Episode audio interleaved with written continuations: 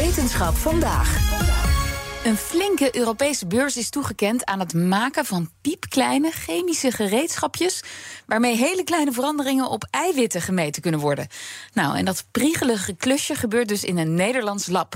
Wetenschapsredacteur Carlijn Meinders, leg maar eens even uit hoe dat dan precies werkt. Ja, ik ga mijn best doen.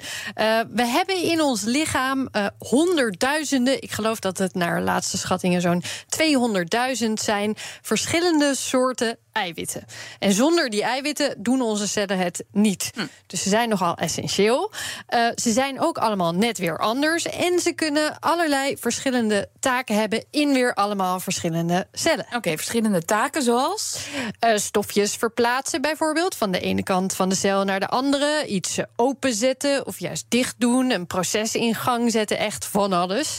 Ze kunnen ook vaak zelf aan en uit worden gezet. En een van de manieren waarop dat kan, is dat ze een soort van getagd worden. Ze krijgen een klein vlaggetje, een signaalmolecuul, dat of erop wordt gezet of juist wordt weggehaald. En het wel of niet aanwezig zijn daarvan beïnvloedt dus weer of een hmm. eiwit in actie komt of niet. Van die vlaggetjes heb je er ook weer een heleboel. En ze kunnen zelfs onderling ook nog eens met elkaar communiceren. Ik, als ik mensen spreek over dit soort dingen, dan verbaas ik me er altijd over dat dit gewoon nu allemaal gebeurt. En dat het überhaupt goed gaat de hele tijd, grotendeels. En in dit geval is dat vast degene die deze beurs heeft kunnen ontvangen. Ja, klopt. Eh, dat is chemicus Gerbrand van der Heden van Noord. Hij werkt in het Leids Universitair Medisch Centrum. En hij vertelt waar hij in grote lijnen naar kijkt. Wat gebeurt er nou in zo'n cel? Wat doen die eiwitten met elkaar? En kunnen we dat meten? Kunnen we dat ja, eh, tastbaar maken? Ja, en op het moment dat je dat dan tastbaar kan maken en je kan het meten, dan kan je het gaan begrijpen. En als je het begrijpt, ja, dan kan je het ook uitbuiten. Weet je, dan kan je zeggen, nou, maar we moeten dat eiwit remmen of we moeten dat eiwit activeren. En dan, nou ja, dat is dan een gedachtegang richting potentiële nieuwe medicatie bijvoorbeeld. Ja, dat is een belangrijk einddoel. Maar wat hij nu doet is vooral fundamenteel. Hij richt zich in zijn werk op twee van die signaalmoleculen die ik eerder noemde, namelijk ubiquitine en ADPR. Dat mag je een beetje weer vergeten hierna, die namen. Maar die moleculen hebben invloed op de werking van eiwitten, zelfs op de werking van andere eiwitten in de omgeving. Maar we weten inmiddels ook dat deze twee dus invloed hebben op elkaars werking. En die samenspraak tussen die twee, dat speelt zowel een rol in bacteriële infecties, veteranenziekte, legionella, als bij DNA-schade. Nou, dat zijn natuurlijk twee compleet verschillende dingen: DNA-schade, herstel en een infectie. Maar toch hebben ze dan wel die basis die ze samen hebben. Hoe komt het dan dat twee verschillende processen toch dezelfde signaalvlagjes gebruiken? Dus wat zijn de overeenkomsten? Maar wat zijn dan de verschillen? Dat zijn allemaal vragen die ja, we eigenlijk nog niet zo goed kunnen beantwoorden.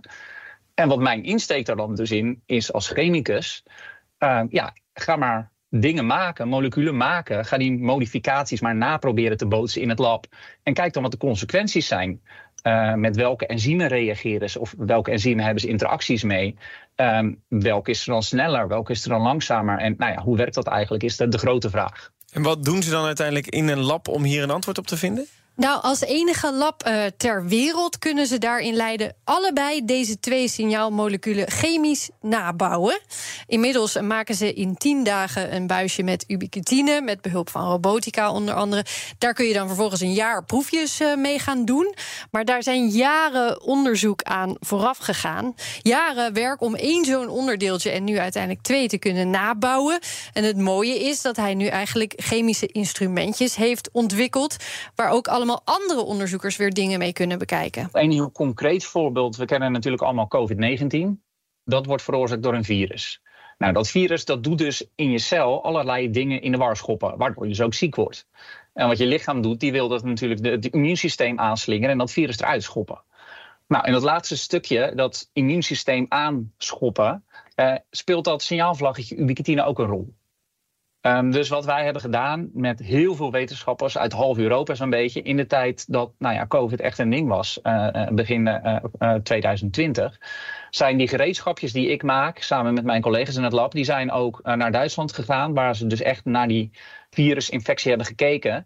En daar kwam dus iets uit wat heel veel impact heeft gehad. Hoe we ook gekeken hebben nou ja, naar specifieke corona-eiwitten. Ja, dan krijg je een beetje een idee wat je hier allemaal aan hebt. En dat geldt dus ook voor bacteriële infecties. Ik mhm. noemde het al even, DNA-schade. Daarmee ook is er een link met verschillende typen kanker.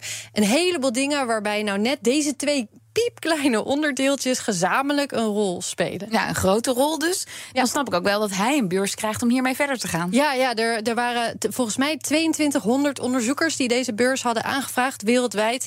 Er zijn er 300 toegekend. En in dit onderzoeksveld, life sciences is dat, zijn er dan drie in Nederland goedgekeurd. Uh, waarvan eentje dus naar dit onderzoek gaat. En die aanvragen die worden ook beoordeeld door collega-wetenschappers. Dus Van der Heden van Noord zei ook, uh, ja, hij, hij, ziet het eigenlijk ook een beetje als erkenning van, van het onderzoeksveld. Dat hij uh, toch echt de goede weg is ingeslagen. Ja. En weet je hoeveel die krijgt? 2 miljoen. Kijk, dankjewel, Carlijn Meinders.